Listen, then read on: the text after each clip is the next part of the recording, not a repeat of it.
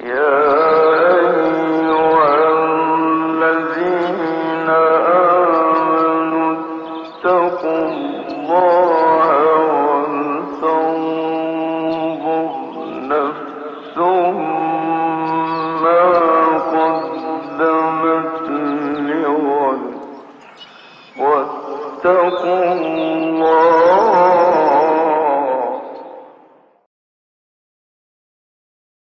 Bismillahirrahmanirrahim.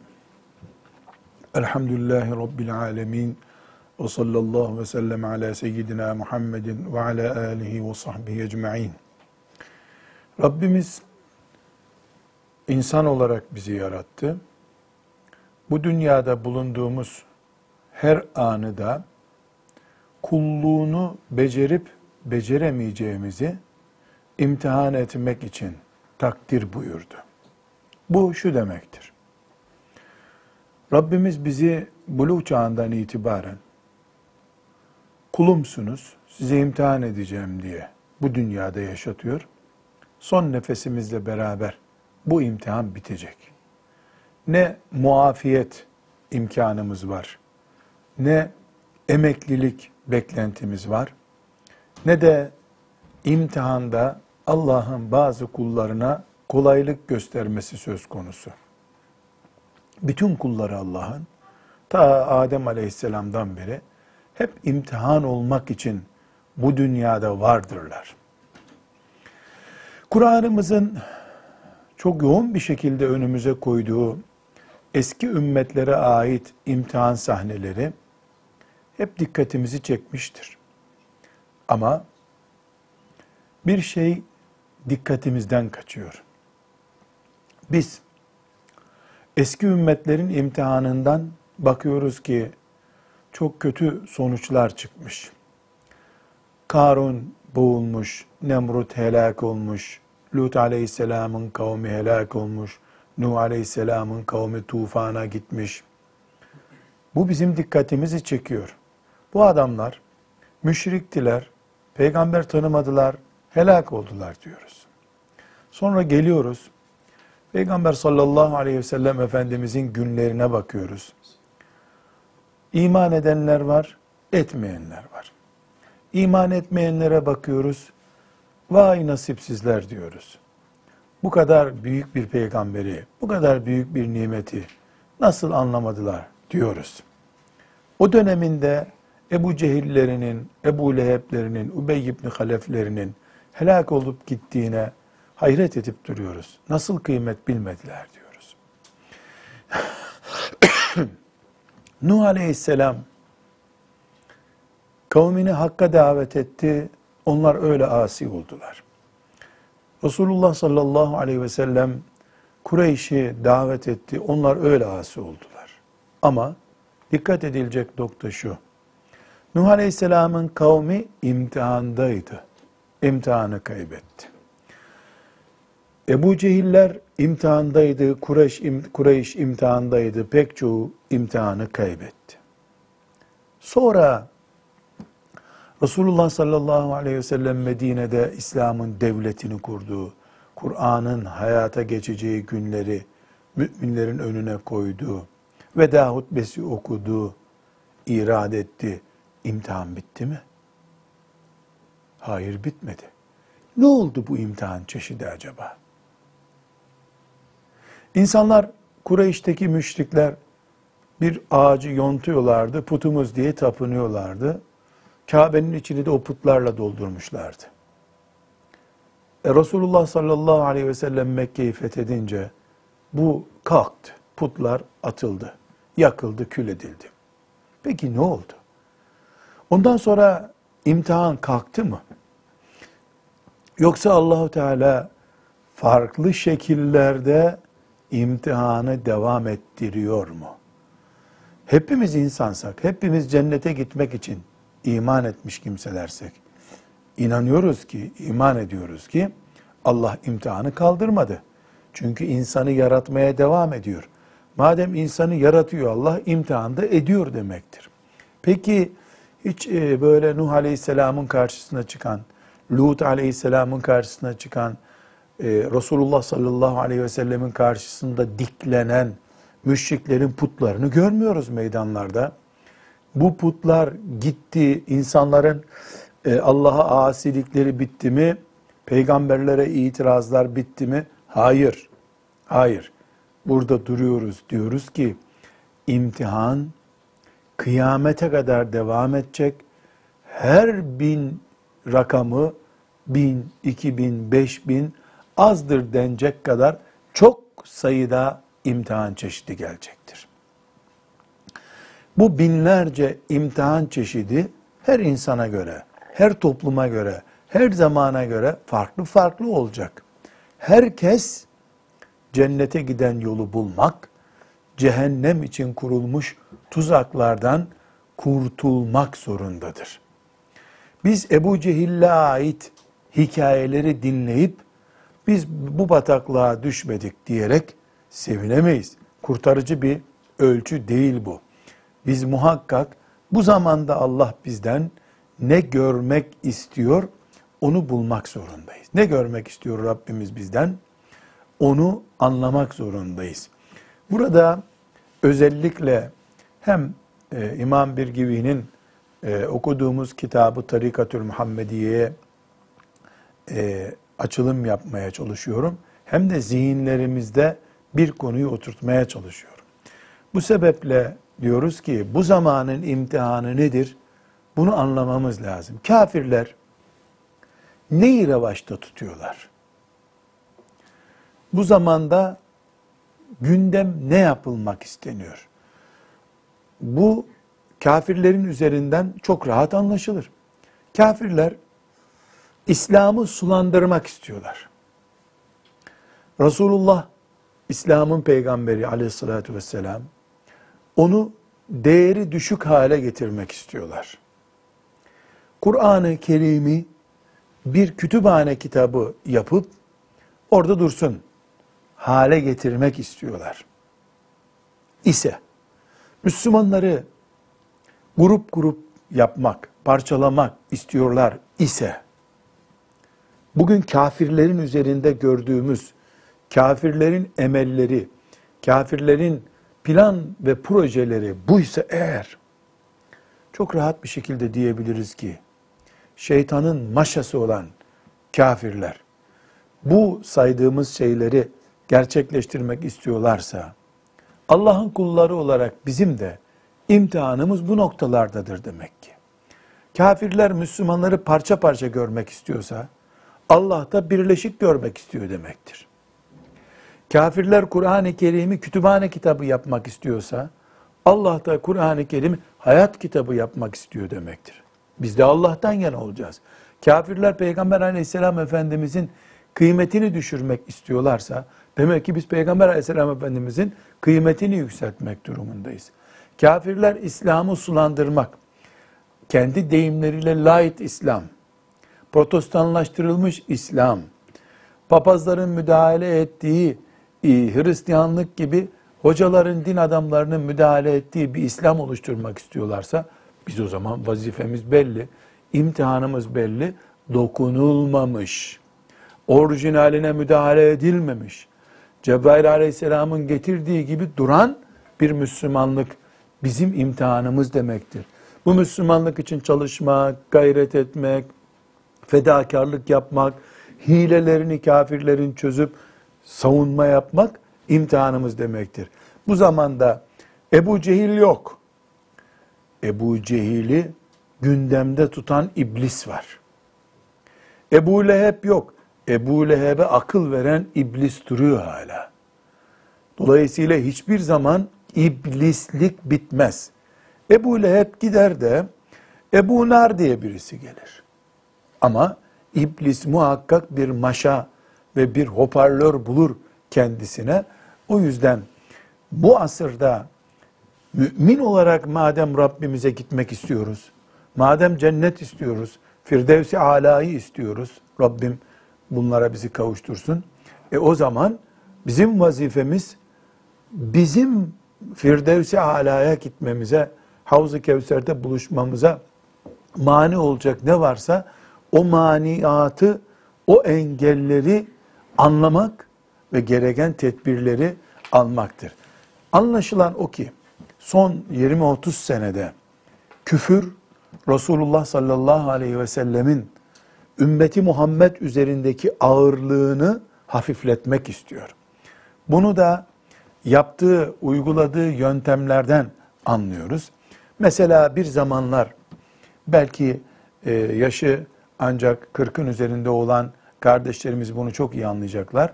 Resulullah sallallahu aleyhi ve sellemin niye çok eşi vardı? Çok kadınla niye evlendi? Yıllarca bunu hep konuştular. Hiçbir başka gündem yok gibi Müslümanlara da bunu konuşturttular. Ayşe anamızı dillerine doladılar. Ashab-ı kiramın hanımlarını dillerine doladılar. Böylece Resulullah sallallahu aleyhi ve sellemin ağırlığını, ümmet üzerindeki şahsiyetini yıpratmaya çalıştılar. Sonra ümmeti Muhammed'den tuzağa düşüp bunlara inananlar oldu. Benim peygamberim ne yaparsa doğrudur, ben peşindeyim deyip takmayanlar oldu elhamdülillah. Ee, şimdi bakıyoruz ki Resulullah sallallahu aleyhi ve sellem Efendimizin hadisi şeriflerini, dolayısıyla da sünnet mirasını bizim gözümüzde küçültmeye çalışıyorlar. Bunun için hadis alimlerini irdeliyorlar. Ashab-ı kiramdan çok hadis rivayet edenlerin e, zihnimizde bulanık bir şahsiyet olmasını istiyorlar. Şeytanca ve şeytanca ama başka hiçbir türlü izah edilemeyecek yüzlerce hileyle ortaya çıkıyorlar. Bizim vazifemiz bellidir. Dağlar eriyip su olsa her dağ kanatlanıp göklere çıkacak mucizeler, olağanüstü şeyler e, görsek biz Resulullah'tan başka adamımız yok deriz. Resulullah'ın sünnetine sadıkız deriz. Aleyhissalatü vesselam hadisi şerifler bizim imanımızdır deriz ve kanatlanmış dağları görsek bile Bukhari'den, Müslim'den, İbn Maci'den bir tane hadis çıkarmayız. Ağrı Dağı yerinden kalksın, uçsun, gitsin. Bukhari'deki tek bir hadise kimse dokunmasın. Böyle iman edeceğiz. Neden? Çünkü aziz kardeşlerim, Ebu Cehil de kendi mantığında haklıydı. Ebu Leheb haksız değildi. Dikildi Peygamber aleyhisselam efendimize ne dedi? Senin babaların yanlış yolda mıydı dedi. Sen bize putları bırak diyorsun ama sen yanlış yoldaki adamların çocukları mısın o zaman dedi. Eğer sen yani anlam olarak söylediği şey eğer sen bu putlar kötüdür, puta tapanlar cehennem kötüdür diyorsan senin dedelerin küçük adamlar o zaman deyip kendine göre çok mantıklı bir şey söyledi. Şeytan da mantıklı konuştu değil mi Allahu Teala ile? Ya o ateşin önünde çamur nedir dedi. Eğer mesele mantıksa yani mesela birisi çıkıyor Bukhari'nin sahihine dil uzatıyor. Mantıklı konuşuyor. Ya mantıksız kimse konuşmaz ki zaten. Ama o mantık kendi ekseninde bir mantık. Dinin bütününde sıfır değerli. Ebu Leheb de mantıklı şeyler söyledi. Ebu Talip mesela mantıklı şeyler söyledi. Yahu yeğenim e bütün insanlar ölümden korkmuş bir adam derler benim için. Dedi. Bu kendi çapında mantık ama mantık kendi ekseninde dönüyor. Yalanı da kendinden, doğrusu da kendinden bir çamurun üzerinde dönüyor. Bu sebeple bugün ümmeti Muhammed olarak biz Resulullah sallallahu aleyhi ve sellemin şahsını, zatını, aile efradını, başından dibine kadar ona iman edip ilk nesli oluşturan ashab-ı kiramı, bize emanet ettiği Kur'an'ı ve önümüze koyduğu sünnetini kesinlikle tartışılmaz mukaddesatımız olarak görmek zorundayız. Bu direkt şeytanın kaldırın bunları diyeceği bir şey değil şüphesiz. Mesela tuzak olması bakımından e, ehli beyt Resulullah sallallahu aleyhi ve sellem Efendimizin aile efradını korumamız lazım diyoruz. Bakın şeytan ne yapıyor? Mesela burada bakıyor ki peygamberin ailesini sevmeyin aleyhissalatü vesselam demiyor kimseye. Ama fazla sevdirip bu sevgiden gözleri kör ettiriyor. Ali'yi çok sevdiriyor ve birilerine cahilce bir şekilde ya Ali peygamber olmalıydı Cebrail yanlış geldi dedirtiyor. Yani tatlıdan zehir üretiyor. Nurdan karanlık çıkarıyor. Resulullah sallallahu aleyhi ve sellemin peygamberlik makamının yerine oturtulacak kadar da sevin buyurmadı ki. Ehli beytime saygı gösterin. Size bunu emanet ediyorum buyurdu. Bu sevgi, saygı nedir? Ulu orta bizim kabilenin büyükleri gibi görmeyin. Ümmeti Muhammed'in şerefli nesli olarak görün. O kadar ki zekat bile yemesinler. Sadaka ile beslenmesinler. Ümmetin şerefli, Peygamber aleyhisselamın şerefini temsil eden bir soy olarak kıyamete kadar baki kalsınlar. Dil uzatmayın, saygısızlık yapmayın, hürmet edin. Ne yapılacaksa.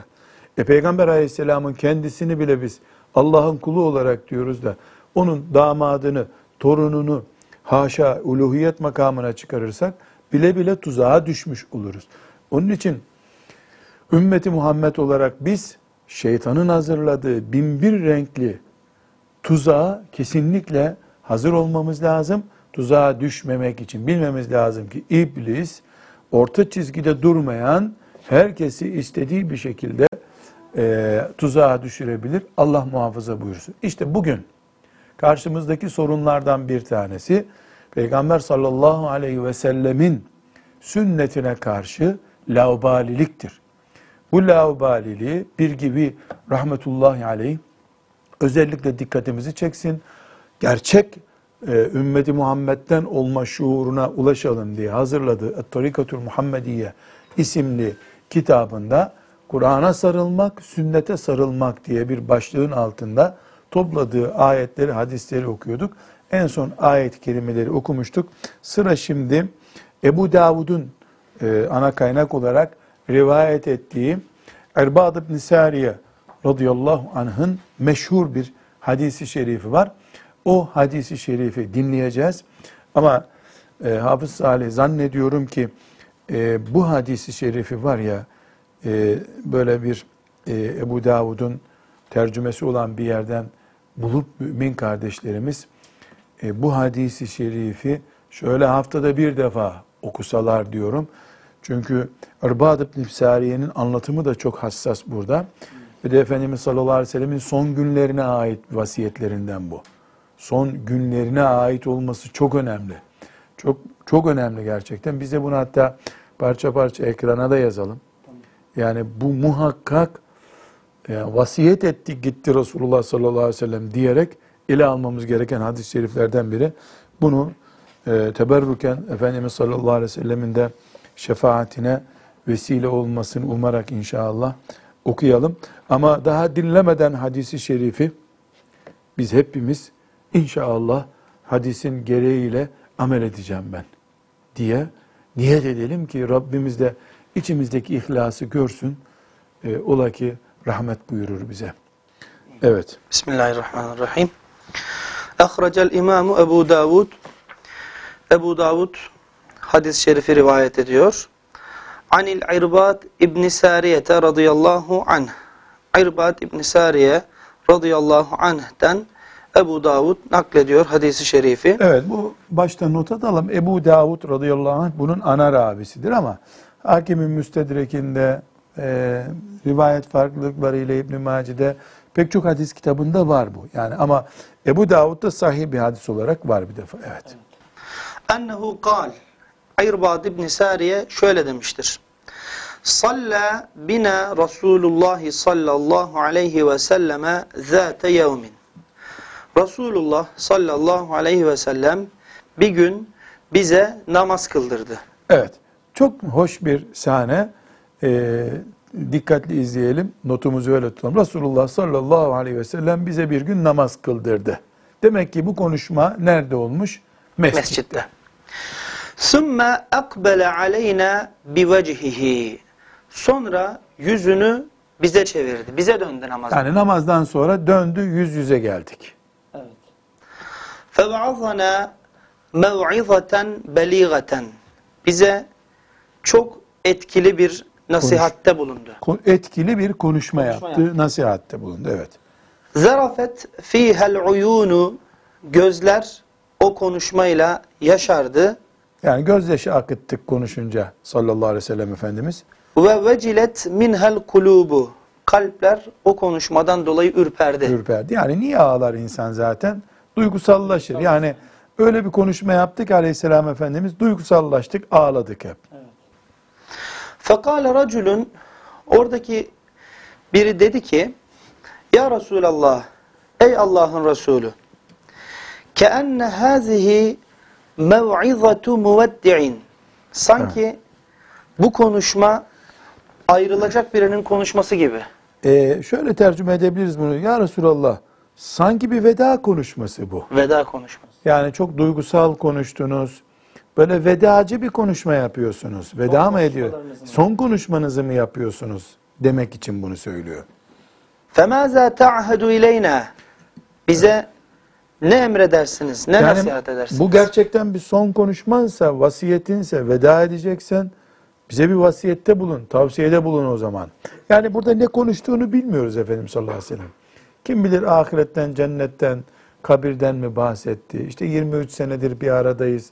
Şöyle oldu gibi duygus. Yani ne söylediğini bilmiyoruz Efendimizin ama duygusal bir konuşma yaptığı ve oradakilerin ağladığı. Hatta bazı rivayetlerde yani Efendimiz sallallahu aleyhi ve sellem bu konuşması üzerine mescit çocuk hıçkırığı gibi hıçkırıklarla inlemiş. Yani çok duygusal konuşmuş, ağlamış ashab-ı kiram. Tabi onların derdi başka peygambersiz mi kalacağız gibi düşünmüşler. Evet. Fekale bunun üzerine Resulullah sallallahu aleyhi ve sellem buyurdu ki Evet şimdi hadis-i şerifimize geldik. Yani e, Resulullah sallallahu aleyhi ve sellem'in tatlı, narin bir konuşma yapıyor. Bu konuşmasına ashab-ı kiram ağlıyorlar. Bu veda konuşmasına benzedi ya Resulallah bize bir nasihatte bulun diyorlar. Şimdi nasihati yapıyor. Şimdi ashab-ı kiram henüz Efendimiz'i görüyorlar değil mi o arada? Evet. Gördükleri halde ileride bir ayrılık endişesiyle bize bir nasihat et diyorlar. Biz görüyoruz mu şimdi Aleyhisselam Efendimiz'i? Görmüyoruz. Dolayısıyla onlar için yüzde yüz değildi bu nasihat. İleride nasihat, yani ileride pratiğe dökeceklerdi. Biz yüzde yüz ayrıyız Resulullah'tan. 1400 senedir. 1400 senedir ayrı dünyalardayız. Aramıza asırlar girdi. Eğer ashab-ı kirama bu, size şunu söylüyorum, buyurduysa içlerinde durduğu halde, en az 14 milyon kere bizim için daha fazla lazım bu söz şimdi. Onlara lazım değilse eğer, ki o bizim için de söyledi bunu. Dolayısıyla bu hadisi şerifi Erbad ibn Sariye radıyallahu anh bir kere dinlediyse, gelin biz bunu milyon kere dinlememiz lazım. Tefekkür etmemiz lazım. Bir de herhalde hocam şimdi sahabeden biri sanki veda konuşması mı bu ya Resulallah diye sorduğuna göre Resulullah sallallahu aleyhi ve sellem de yo daha buradayım aranızdayım demediğine göre Demiyor. demek ki veda konuşması gibi algılamamız Ee, gereken zaten son nasihatleri. şöyle var hadisi buluyoruz ama tekrar okuyacağız inşallah. Yani e, veda haccından sonra Efendimiz birkaç ay daha yaşadı. Orada da veda hutbesini başlarken diyor لَعَلِّي لَا أَلْقَاكُمْ بَعْدَ عَامِ هَذَا bu yıldan sonra sizinle bir daha karşılaşmayacağımı zannediyorum diyor mesela. Bu bir işaretti. Sonra Nasr suresi indi ya Zerca'e Nasrullahi vel feth Ebu Bekir hemen ağladı. Radıyallahu anh. Yani bu istiğfara davet ettiğine göre peygamberi bu surede aleyhisselam bu ölüm işareti dedi. Ashab zaten diken üstünde diye bir Anadolu'da deyim var mı? Ayağı diken üstünde yani bir rahat duramıyor. Asap diken üstündeydi her an bir acı haber bekliyorlar. Bir de Efendimiz sallallahu aleyhi ve sellem rahatsızlanıyordu. Onu da görüyorlardı. evet. Evet Resulullah sallallahu aleyhi ve sellem buyurdu ki Usikum bi takvallah Şimdi sayalım. Bir, usikum size vasiyetimdir. Evet, Tavsiye usikum. ediyorum, vasiyet ediyorum. Bir takvallah, takva. Takvayı tavsiye etti, nasihat etti. Ve sem'i ve ta'ati ve in abden habeşiyen. Habeşli bir köle de olsa Başınızdaki kişiye. söz dinleyin, itaat edin. Yöneticiniz Habeşli köle de olsa söz dinleyin, itaat, itaat edin. edin. Fe innehu men ya'iş minkum feseyara ihtilafen kesiran. Çünkü sizden kim yaşarsa benden sonra çok farklı yani çeşit çeşit e, Çok ihtilaflar görecek. Çok ayrılıklar yani. Çok ayrılıklar görecek. Dört. Fe aleykum bi sünneti. O zaman benim sünnetime sarılın. O zaman benim sünnetime Ve sünnetil hulefâir râşidînel mehdiyyin. Benim raşid halifelerimin Min- hidayete erdirilmiş raşid, Raşid halifeler halifelerimin ve sünnetine. benim sünnetime sarılın. Sünnetime sarılmak. Evet. Temessekû biha. Ona sımsıkı Yapışın. Tutunun, yapışın, yapışın. sünnetime yapışın. Ve addu aleyha bin nevaciz. Azı dişlerinizle sımsıkı tutun onu. Ve iyyakum ve muhaddesatil umuri. Muhdesat. Muhdesatil umuri. Sonradan ortaya çıkarılmış işlerden kaçın. Fe inne kulle muhdesetin bid'atun. Çünkü Her, her uydurulan sonradan- şey her uydurulan şey bid'attir. Ve kullu bid'atin dalaletun. Her bid'atte uydurulmuş şey de sapıklıktır. Ve kullu dalaletin finnari. Bu sapıklıkta cehenneme götürür. Sadaka Resulullah sallallahu aleyhi ve sellem. Ee, dediğimiz gibi bu hadisimiz Ebu Davud'da, e, ondan sonra Müstedrek'te, bu dipnottan okuyayım ben özellikle. E, ondan sonra İbni Hibban'da, İbni Mace'de, Darimi'de, Ahmet bin Hanbel'in Müsned'inde bu hadis-i şerif var. Şimdi burada e, sahneyi tekrar hatırlayarak hadis-i şerifi hatırlayalım. Muhteşem bir vasiyet yapıyor Resulullah sallallahu aleyhi ve sellem. Bir namaz kıldıktan sonra cemaatine dönüyor, namaz kılanlara dönüyor, e, bir konuşma yapıyor. Bu konuşmanın ne olduğunu bilmiyoruz ama Erbat radıyallahu anh'ın dediğine göre duygulanmış ve ağlamış ashab-ı kiram. Kalpleri ürpermiş, heyecanlanmışlar. Demişler ki herhalde Resulullah sallallahu aleyhi ve sellem veda gibi son sözlerini söylüyor gibi bir hava var. Ya Resulullah bize nasihatte bulun demişler. Şimdi bu nasihat esnasında Efendimiz sallallahu aleyhi ve sellemin söylediği sözler bunu çok dikkat ediyoruz. Ashaba lazımdı. Allah onlardan razı olsun. Kaç kere lazımdı? Bir kere, beş kere, on kere. Bize bin kere lazım. Çünkü dediği şey bize çıktı. Yaşayanlar çok ihtilaflar, kavgalar, gürültüler görecek buyurdu. Biz içinde kaldık bu kavgaların, ihtilafların. Yaşadık, geldik 1400 sene sonra çıktık biz. Fakat parça parça bir Müslüman ümmet gördük. Dolayısıyla Efendimizin olacak dediği şey oldu. Bizim üzerimizde oldu. Bu bizim üzerimizde olan şey mecbur ediyor bizi bu sözünü ettiği Efendimiz sallallahu aleyhi ve sellemin reçeteye uymaya mecbur ediyor bizi. Reçetenin özü nedir? Takva ve söz dinlemek, itaat etmek lidere ve Resulullah sallallahu aleyhi ve sellemin sünnetine yapışmak. Ondan sonraki raşid halifelerin sünnetine yapışmak. Bu raşid halifelerin sünnetine yapıştığımız zaman Resulullah sallallahu aleyhi ve sellemi özümsemiş olacağız. Bid'atlerden yani dine sonradan ilave yapmaktan, dine ibadet olan şeye ilave yaptığımız zaman bid'at çıkacak. Her bid'at sapıklıktır. Sapıklıktan uzak duracak mümin diyor sallallahu aleyhi ve sellem Efendimiz. Bu hadisi şerif dün ashab-ı kiram için kurtarıcı reçeteydi. Bugün bizim için çok daha fazla kurtarıcı reçete. Şimdi burada Efendimiz sallallahu aleyhi ve sellem ben ve Raşid halifeler diyor. Raşid halifeler kim? Ebu Bekir, Ebu Bekir, Ömer, Ömer Osman ve Ali. radıyallahu Anhum. anhum cemiyan. Beşincisi var mı? Ömer ibn Abdülaziz. Ömer bin Abdülaziz. Beşincisi yani ümmetin büyük bölümünde o da Raşid halifelerden iki sene e, devletin başında kaldı, İslam devletinin başında kaldı. O da Raşid halifelerden. Rabbim şefaatlerine nail etsin hepimiz. Ama burada Resulullah sallallahu aleyhi ve sellem e, iki önemli çizgi var Hasan hocam. Birincisi aleyhissalatü vesselam Efendimiz sallallahu aleyhi ve sellem itaat etmekten söz ediyor. Başınızda Habeşistanlı bir köle bile olsa itaat edin. Patırtı kütürtü çıkarmayın buyuruyor. Bu bir çizgi. Sünnet Siyasi görüşün ne olursa olsun mu gibi şimdi bu diyorsun. Mesela senin partinden olsa da olmasa, da, Olmasa da. sizin gruptan olsa da olmasa, devletin başındakilerle tartışmayın. Irkına bakmayın. Çünkü Habeşli köle demek Bilal'in akrabaları. Bilal Medine'ye köle olarak gelmişti. Mekke'ye köle olarak gelmişti. Dolayısıyla ırkına bakma. İslam'ın devleti var. O devletin başında e, kulağı kesik bir köle diyor mesela bazı hadislerde. Kulağı kesik, kuru üzüm gibi kapkara bir köle de olsa itaat edin. Çünkü ümmetin huzura ihtiyacı var. Ümmetin e, ciddi bir şekilde beraber olması lazım.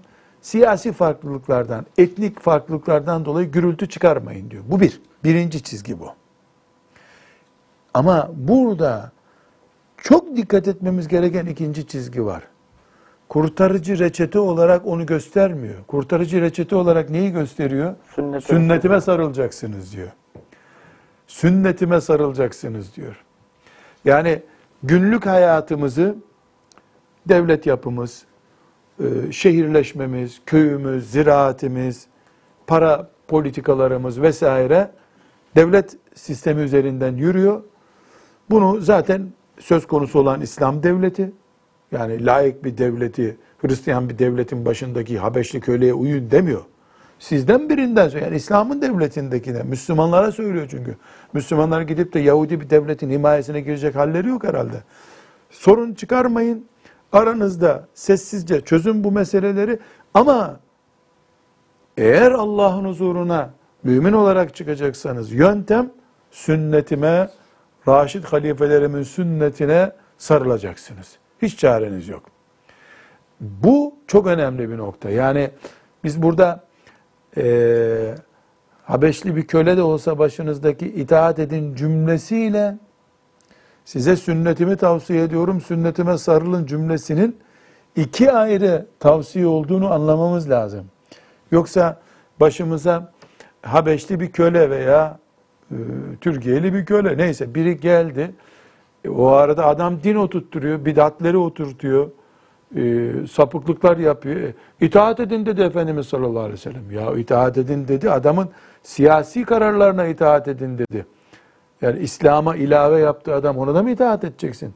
Adam kalktı cuma namazı kılmayacaksınız dedi. E Efendimiz itaat edin dedi.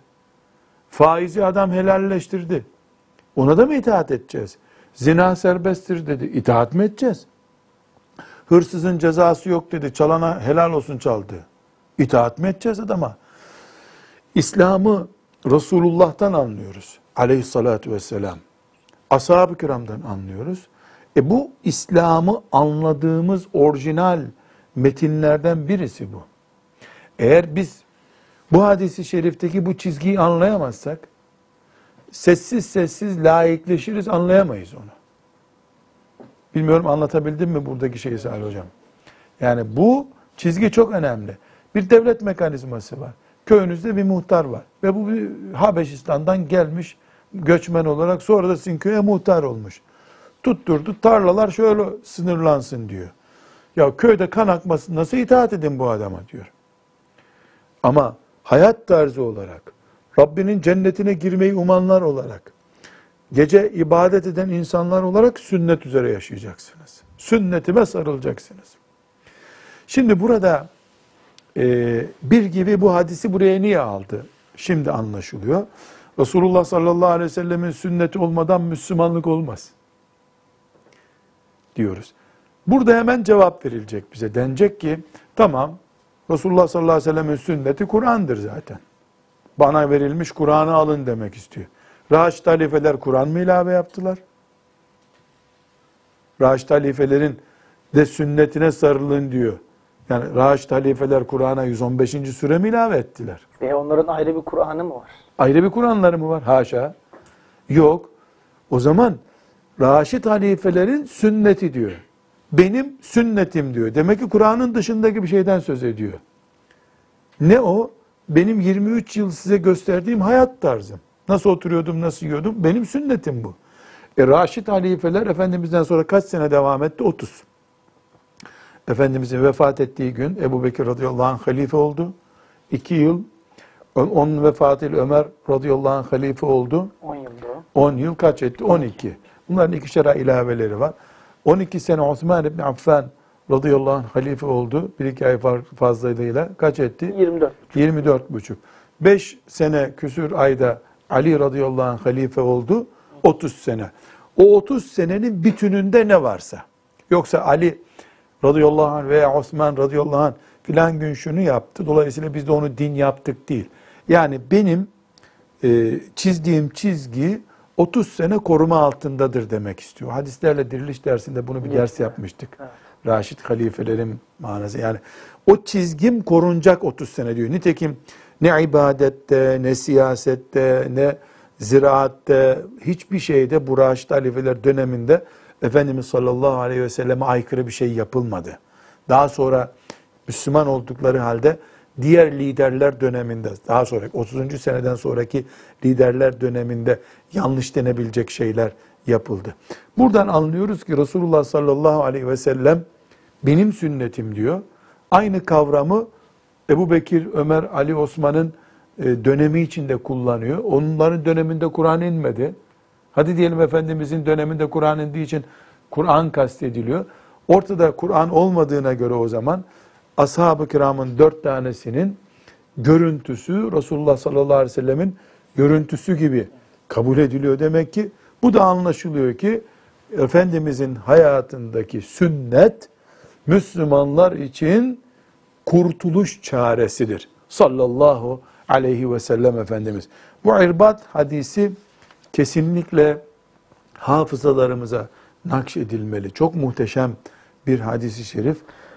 Ee, bununla ilgili Bir de hocam hadis-i şerifte Abdu aleyha bin nevaciz bölümü var. Hani olur ya sımsıkı tutun diyor bir önceki sıkı kelimede. tutun cümlesi Abdu aleyha bin nevaciz azı dişinizle ısırın. Yani böyle çekirdek çiğner gibi tutmayın sünnetimi. Şöyle koparacak gibi sımsıkı tutun. Abdu aleyha bin nevaciz dişinize Ondan sonra temessük fiili ise eliyle yapılıyor. Yani elinle, ağzınla, her şeyinle Resulullah sallallahu aleyhi ve sellemin sünnetine tutunun. Ve bu kadar da yetmiyor. Sadece sünneti tutunmak da yetmiyor. Ee, bidatlerle de mücadele edeceksin. Burada e, bu hadisin bidat kelimesine ilaveten yani belki dipnot olacak bir cümle bu. Bir gibi rahmetullahi aleyh bidat düşmanı olarak biliniyor. Yani bid'at, gerçi her alim bid'at düşmanıdır da o onunla sivrilmiş. Yani bid'atlerle mücadele eden bir adam. Onun için de pek toplum içerisinde yer bulamamış. Yani hangi toplum içerisinde? Avami toplum içerisinde veya kendi emsalleri işte sık sık onu ikaz etmek zorunda kalmışlar. Allah ondan razı olsun ama o mücadelesi bak kaç asır oldu. Hala o mücadelesini hayırla yad ediyoruz. Allah Teala ona da rahmet etsin. Bize de o günlere erdiğimizde rahmet etsin. Evet, Ebu Davud'un e, ve Tirmizi'nin yine rivayet ettiği Mikdam e, radıyallahu anh'tan rivayet edilen bir hadis-i şerif okuyalım şimdi. Bu hadis de çok önemli. Bunu da dipnotlar gibi böyle tuta tuta okuyalım. Ve ahrece Ebu Davud ve Tirmiziyyü Ebu Davud ve Tirmizi hadisi şerifi rivayet ediyor. Anil Mikdam Radıyallahu anh. radıyallahu anh. Mikdam radıyallahu anh da Resulullah sallallahu aleyhi ve sellem'den bu hadisi duyduğunu e, söylüyor. Ennehu kal demiştir Şimdi ki Ebu Davud e, rivayet ediyor. E, Tirmizi rivayet ediyor bu hadisi. Beyhaki rivayet ediyor. Dara Kutni rivayet ediyor. Tahavi Ma'anil Asar'ın şerhinde rivayet ediyor. Heysemi Mevaridü Zaman'da rivayet ediyor. Dolayısıyla böyle bir takvim yaprağından bir şey okumuyoruz şu anda. Bir hadis-i şerif okuyoruz. Böyle bir varmış yokmuş bir sohbet ortamında değil. Resulullah sallallahu aleyhi ve sellem'den naklediliyor. Bu günleri sanki görmüş gibi sanki değil yani Allah gösterdi de görmüş gibi Resulullah sallallahu aleyhi ve sellem bize naklediyor. Kale Resulullah sallallahu aleyhi ve sellem. Resulullah sallallahu aleyhi ve sellem buyurdular ki Ela inni utitul kitabe ve mislehu ma'hu Bana dikkat edin Bana Dikkat edesiniz. bana kitap ve onun bir benzeri verildi. Yani Kur'an-ı Kerim ve onun bir benzeri verildi. Bana kitap ve bir benzeri verildi. Kitap belli. Bir benzeri diyor da niye sünnet demiyor? Yani sünnet derse kitap ekstra değil yani zaten orijinal ekstradan yedek parça olarak verildi anlaşılır bu sefer. Kitap ve aynısı verildi. Ve mislehu. Mislehu. Onunla beraber bir benzeri verildi. Böylece kitap gibi güçlü bir şey verildi. Nedir o? Sünnettir. Daha önce ne olarak geçmişti? Bu hikmet olarak da geçmişti. Bana hikmet verildi buyurmuştu. Demek ki farklı zamanlarda, farklı yerlerde sallallahu aleyhi ve sellem konuşmalar irat buyurmuş. Bundan da e, anlıyoruz ki sünneti bizzat kendisi Resulullah sallallahu aleyhi ve sellem Kur'an düzeyinde görüyor. Evet Kur'an'ın ağırlığı başka Allah'ın sözü.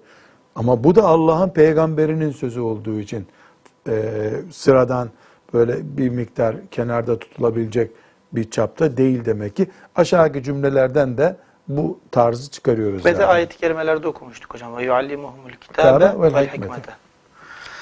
Ela Hikmet şeyde hadislerde de geçiyor. Hikmet de var, geçiyor.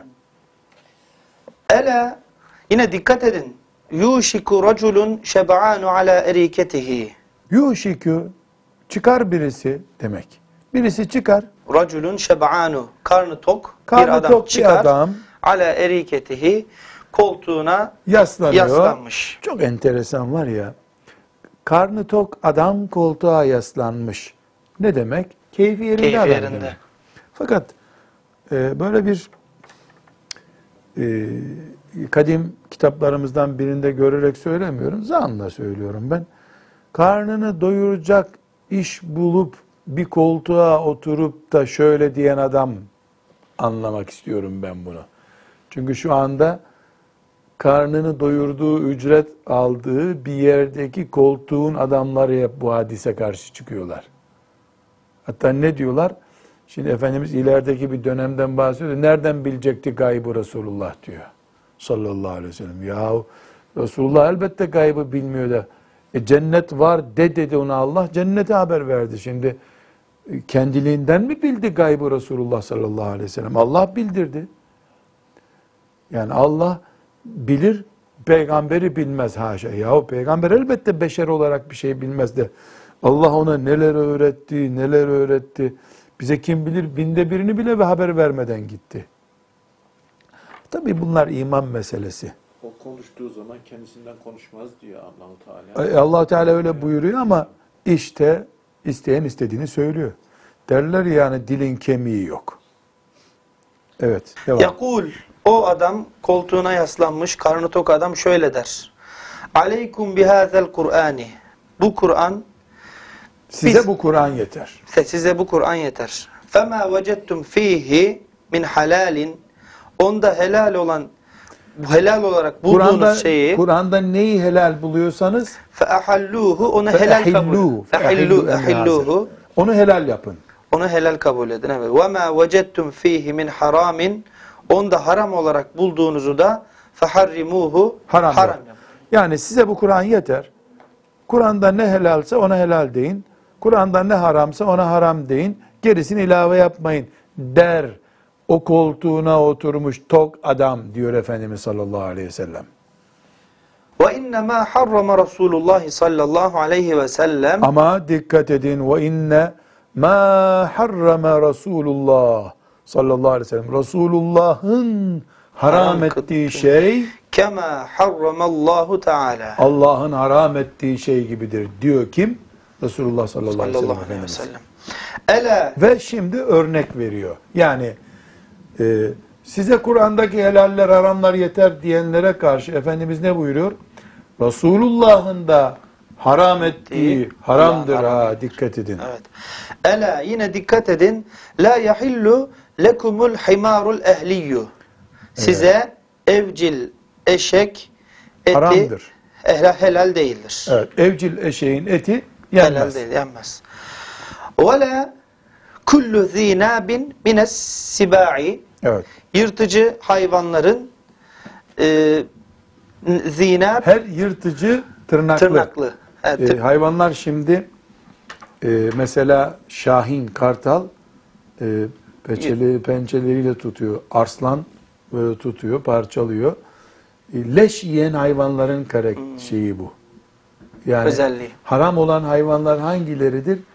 Leş yiyen mesela köpek leş yiyor. At e, ot yiyor mesela. Leş ye- yemiyor. Hmm. E, haramlığının temelinde bu hayvanların yırtıcı oluşlar. ve başka bir hayvanı parçalayıp yiyip olmaları var. Yani yırtıcı hayvanların pençeli olanların etleri de size helal değildir.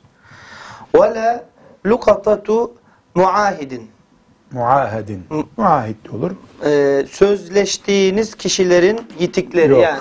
Bu lukata buluntu mal demek. Muahed İslam toprağında yaşayan zimmi demek. Sözleşmeli. Yani bunu şöyle kabul et. Vizeyle İslam toprağına giren adamların e, herhangi bir e, malını da oturup yiyemezsiniz. İlla en yestagniye anha sahibuha Sahibi onu yani o- ihtiyacı yoksa olur. Vermişse olur. Ve men nezele bi kavmin fe aleyhim en yakruhu kim bir topluluğa gelirse misafir olursa herhalde fe aleyhim o topluluk en yakrauhu onu misafir etsin. E, Onu izzet ikramda bulunsun da. Yani e, hadis-i şerif tembihlere devam ediyor. Bir köye gelen, bir mahalleye gelen insanı misafir etmek zorundasınız. Fe in lem yakruhu eğer onu ağırlamazlarsa felehu en yuakibahum bimisli qirahi qirahu Ee, o kişinin yani Masraflarını onlardan almak, alma hakkı vardır. Çok enteresan tabii şeriatımızın mübarek noktalarından biri. Bir insan bir köye geliyor, köylüler onunla ilgilenmiyorlar. O, o da gidip otelde kalıyor. Han'da kalıyor o zamanki deyimle. 2 lira veriyor hana. Gidip o 2 lirayı alıyor köylülerden mahkeme kararıyla. Hadis onu söylüyor. Misafir sever bir ümmetiz biz çünkü. Bir Müslüman Müslümanların köyüne gelip de e, misafir edilemez olmamalı. Ama bu da e, kaloriferli odada yatacak değil. Yani yemeğini verecekler, ona bir yatacak yer gösterecekler. Yani lüks şartlarda değil. İnsanı sokakta bırakmayın, özeti bu. İnsanı sokakta bırakmayın. Bizim hadisimize, e, bu mübarek hadis-i şerife e, bağlantımız Resulullah sallallahu aleyhi ve sellemin sünnetinin Müslümanlık olduğunu göstermek. Resulullah sallallahu aleyhi ve sellemin sünneti Müslümanlıktır. Hiç bunun kaçacak bir tarafı yok. Örneği kendisi veriyor. Ya Kur'an'daki helaller haramlar yeter bize diyenlere karşı Resulullah da haram koyar buyuruyor. Sonra örnek veriyor. Buyurun işte size evcil eşekleri haram ediyorum buyuruyor. Evcil eşek haram. Yırtıcı hayvanların etleri haram. Hani olmaz diyorsunuz ama e bunu e, nasıl Müslüman reddedebilir? Diyebilir mi bir şey?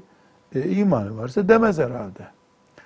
Evet. Öbür hadis-i şerifi okuyalım. Kur'an-ı Kerim'de açıkça bunlar, Bunlar yok. Kur'an'da eşeklerle ilgili bir hüküm yok mesela. E, Resulullah sallallahu aleyhi ve sellem koyduğu için haram zaten.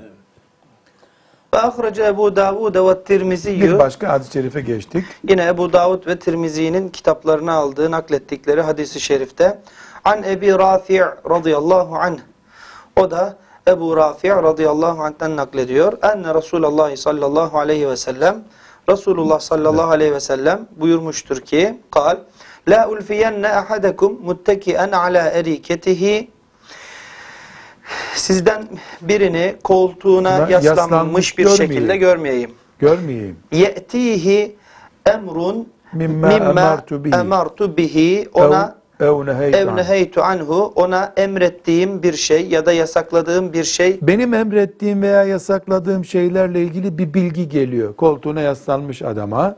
feyekulu o da şöyle diyor la nedri ben bilmem ma vecedna fi kitabillah ittaba'nahu ben kitapta ne bulursam onu kabul ederim. Yani ona diyorlar ki Resulullah sallallahu aleyhi ve sellem şöyle yasakladı. Biz Kur'an'da bulduğumuzu hareket ederiz derken duymayayım sizden bir tanenizi. Çünkü Resulullah'a iman ettiysen, Ha sana dedik ki bunu Kur'an'da Allah yasaklıyor. Ha da sana dedik ki Kur'an'da değil ama ben yasaklıyorum. Ya Peygamber aleyhisselam konuşmayacak da kim konuşacak bu dünyada? Ondan başka konuşacak kimse var mı bu kainatta? diye düşünmesi gerekir. En azından nezaket olarak Müslümanın böyle düşünmesi gerekir ama e, başta dedik ya Rabbimiz illa bir yolla herkesi imtihan edecek. Herkesi imtihan edecek. Hiç kimse imtihandan muaf değil. Yani bazı kulların Allahu Teala putçulukla imtihan etti. E, Nemrud'u İbrahim Aleyhisselam'ı ateşe atıp atmayacağıyla imtihan etti. Nuh Aleyhisselam'ın oğlunu asi olup olmayacağıyla imtihan etti.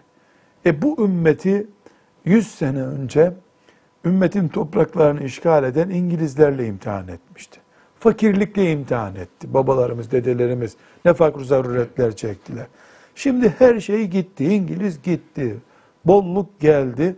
Bu sefer e, Kur'an-ı Kerim'in e, yanı başında hadisi şerifleri soğuk gören bir laubalilik imtihanı geldi.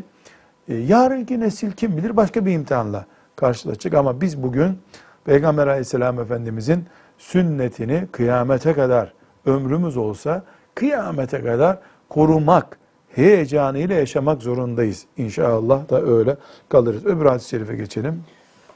Ve ahraca Ebu Davud, yine Ebu Davud rivayet ediyor hadisi şerifi. Anil İrbad ibn Sariye radıyallahu anh. O da İrbad ibn Sariye'den naklediyor. Kale. İrbad ibn Sariye dedi ki, Kâme fînâ Resulullah sallallahu aleyhi ve sellem fekal. Resulullah, Elbat bir önceki hadiste okuduğumuz sahabi radıyallahu anh Resulullah sallallahu aleyhi ve sellem kalktı ve şöyle bir konuşma yaptı. Eyahsebu ahadukum muttekien ala eriketihi kad yazunnu Allah Teala lem yuharrim şey'en illa ma fi hazel Kur'ani. Evet. Sizden yani zannediyor mu bir taneniz Allah sadece Kur'an'da geçen şeyleri yasaklıyor. size yasaklıyor. Evet. Ela ve inni vallahi kad vaaztu ve amar Evet. ve amartu ve nehaytu an eşya'a innaha la mislul Kur'ani ev ekser. Evet. Dikkat edin. Vallahi ben size konuşuyorum, size emrediyorum, size bazı şeyleri yasaklıyorum. Bunlar tıpkı Kur'an gibidir. Tıpkı Kur'an gibidir ha dikkat edin. Dikkat edin. Bu hadis Müslim'de de var biliyor musun? Yani bu, bu, bu sahih bir hadis-i şerif böyle. Yani ne yapıyorsunuz siz ya? Nasıl böyle dersiniz? Allah size Kur'an gönderdi ama peygamber de gönderdi. Peygamber de gönderdi. Bu sünneti hafife almanın ucu çok basit bir yerden gelmiyor. İblis kim bilir bu proje için kaç asır çalışmıştır ki Efendimiz de sallallahu aleyhi ve sellem o günden bunu haber veriyor. Yani iblisin böyle bir e, dosyalama yaptığı belliydi. 14 asırdır yoksa hocam 14 asırdır çalışıyormuş. Kim bilir? Adem aleyhisselamdan beri de çalışıyordu olabilir. Devam. Ve inna Allah azze ve celle lem yuhille lekum en tedhulu buyute ehlil kitabi illa bi iznin. Allahu Teala size ehli kitabın evine ancak izinle girmenizi e, helal kılmıştır. Onun dışında helal değildir. Yani adamlar ehli kitaptır diye evlerine paldır küldür kı girmeyin. Yani ev mahremiyetini söylüyor Efendimiz sallallahu aleyhi ve sellem. E şimdi Kur'an-ı Kerim'de Hristiyanların evine girilir diye bir ayet yok. Girilmez diye de bir ayet yok. Ama Efendimiz bak koydum bunu buyuruyor. Adam Hristiyandır diye tekmeyi vurup kapıdan giremezsin. Kapıya vurursun, izin verirce içeri gireceksin. Ve la darbe nisaihim kadınları dövmenizi de helal kılmamıştır. Ya böyle nisaihim. Yani o Hristiyanların kadınlarına dövmeye kalkmayın. Tabii. Ve la ekle simar simarihim ize a'tukum ellezi aleyhim. Yani adamlarla anlaşma yaptınız. Adamlar size e, istediğinizin paranın karşılığı işte 5 kilo meyveyi verdi. Kalkıp adamın ağacından iki tane daha alma ulan Hristiyan bu zaten diye. Yani insanların hakkına hukukuna riayet edin. Ticaret ne kadarsa kaç para verdiysen o kadar. Lan gavur senin malın zaten bizim sayılır. Demeyin sakın. Halbuki Kur'an'da böyle bir ayet yok. Efendimiz sallallahu aleyhi ve sellem e, bunu koydum işte bak diyor. Size tembih ettim, koydum. Tıpkı Kur'an gibi yani. Tıpkı Kur'an gibi. Yani bir bu ne demek tıpkı Kur'an gibi? Kur'an bir şeyi haram dedikten sonra Müslüman nasıl elini çekiyorsa Resulullah da sallallahu aleyhi ve sellem haram bu dediyse elini çekeceksin. Yani ya Kur'an'a e, ve Peygamber aleyhisselama aynı derecede iman edeceksin ya da Kur'an var peygamber yok gibi bir anlam çıkacak buradan maazallah. Burada e, dikkat etmemiz gereken e, bu dersin başında da özellikle onu tekit etmeye çalıştım. Yani açıkça hiç kimse zaten peygamberi sevmiyorum demiyor. Kafirler de demediler ki Muhammed'i hep seviyoruz dediler. Güzel Muhammed dediler. Ama iş onun şeriatına gelince yaşadığı hayatı Müslüman olarak yaşamamız gerektiği ciddiyeti ortaya çıkınca sorun çıkıyor. Onun için bir Müslüman oturup her şeyden evvel Resulullah sallallahu aleyhi ve sellem benim dinimdir. Cennetimdir. Sünnetse onun mirasının adı sünnet de dinimdir, sünnet de cennetimdir. Cennet olan bir şeyin tersi de cehennemdir. Bunu düşünmemiz gerekiyor. Bu sebeple ben e, bu hadis-i şerif yeter. E, öbür hadislere bir dahaki derste devam ederiz inşallah. Burada şöyle bir e, sıkıntı hissediyorum. Kesinlikle Müslümanlar Resulullah sallallahu aleyhi ve sellemin doğumunu, ölümünü, yani siret-i nebi, e, evliliklerini öğrenmeliler. Ya Peygamberimizin hayatını bilmeyeceğiz de ne bileceğiz bu dünyada? Ben kendi doğduğum köyü bilmesem olur da Medine'ye hicret ettiğini aleyhissalatü vesselam'ı bilmesem olmaz. Pek çok insan doğduğu köyü görmemiştir gibi. Ama Resulullah sallallahu aleyhi ve sellemin doğumunu, ölümünü bilmek din değildir. Bunu bir noktaya kadar faydalı bir bilgi bu. Niye doğdu? Niye yaşadı? Niye hicret etti? Hicret ettiği yerde ne yaptı? Ne yapamıyordu Mekke'de de hicret etmedi? Asas bunlar önemli. Bunları öğretiyor bize diye zaten onun hayatını anlatan ilim olan siret ilmine önem veriyoruz biz. Şimdi dikkat ederseniz mesela siret bilgisi yarışmaları yapılıyor. Nerede doğdu, nerede öldü, kaç çocuğu vardı? Bunları İslam eğitimi olarak görmek doğru değil. Eğitime ısıtma aracı olarak görmek lazım. Yani e, bu neye benziyor? Bir insan e, araç kullanmakla ilgili ehliyet kursuna gidiyor. 3 ay 5 ay orada kurs görüyor diyelim ama hiç araç görmüyor hayatında. Ne yapacak bu? Yani araç kullanmayı bir pratik üzerinden insan geliştirebilir. Resulullah sallallahu aleyhi ve sellemin sağ elle yediğini siret bilgisiyle öğrendik şemailden.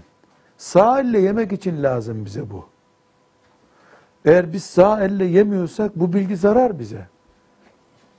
Bunu her alana uyarlamamız gerekiyor. Aksi takdirde Resulullah sallallahu aleyhi ve sellem hakkında çok şey bilen ama fazla uygulamayan bir ümmete döneriz. E, bu da ahirette kurtarıcı değil. Kıyamet günü Resulullah sallallahu aleyhi ve sellemin hayatını iyi bilenler gelsin diye bir şey denecek olsa Ebu Leheb çok iyi biliyordu. Doğduğu gün oradaydı zaten. Herhalde kurtulur Ebu Leheb. Asla kurtulamayacak. Ebu Cehil de biliyor. Uzaktan amcasının oğlu. Uzak soydan amcasının oğlu Efendimizin. Çok iyi biliyor. Hiçbir işe yaramayacak ama üstelik aleyhine olacak. Yani biz Peygamber aleyhissalatü vesselam Efendimizin sünnetinin peşindeyiz. İmanımız bunu gerektiriyor. Şeriatımız bu mantık şeriatıdır. Basit bilgiler değil siret bilgileri elbette. Ama Müslümanlık siret bilgisiyle gitmiyor. O bir kültür. Efendimiz sallallahu aleyhi ve selleme daha yakın olmayı sağlıyor. Ama namazın farzlarını bilmek ve namaz kılmak Müslümanlıktır. Burada ne diyor? Ee, ehli kitabın yani Hristiyan ve Yahudilerin kapısına tekme vurup girmeyin diyor. İçeri girmeyin diyor. Müslümanlık bu işte. Medine'de kaç Yahudi vardı? Bunu bilsen ne olacak, bilmesen ne olacak? Ama Resulullah sallallahu aleyhi ve sellem Hristiyanların evine haksız bir şekilde girmeyin. Adamın bahçesinden bu Hristiyan adam. Bize helal bunun armutları diye armut koparma bahçesinden. Adamın hakkına riayet et. Bak bunu ben koydum diyor. Kur'an'da böyle bir ayet yok. Ben koydum diyor. Sallallahu aleyhi ve sellem. Rabbim lütfede de Kur'an'ımızı hakkıyla yaşayıp, sünneti de hakkıyla öğrenip yaşayıp, huzuruna mümin olarak gidelim. Ve sallallahu ve sellem ala seyyidina Muhammedin ve ala alihi ve sahbihi ecma'in. Velhamdülillahi Rabbil alemin. يا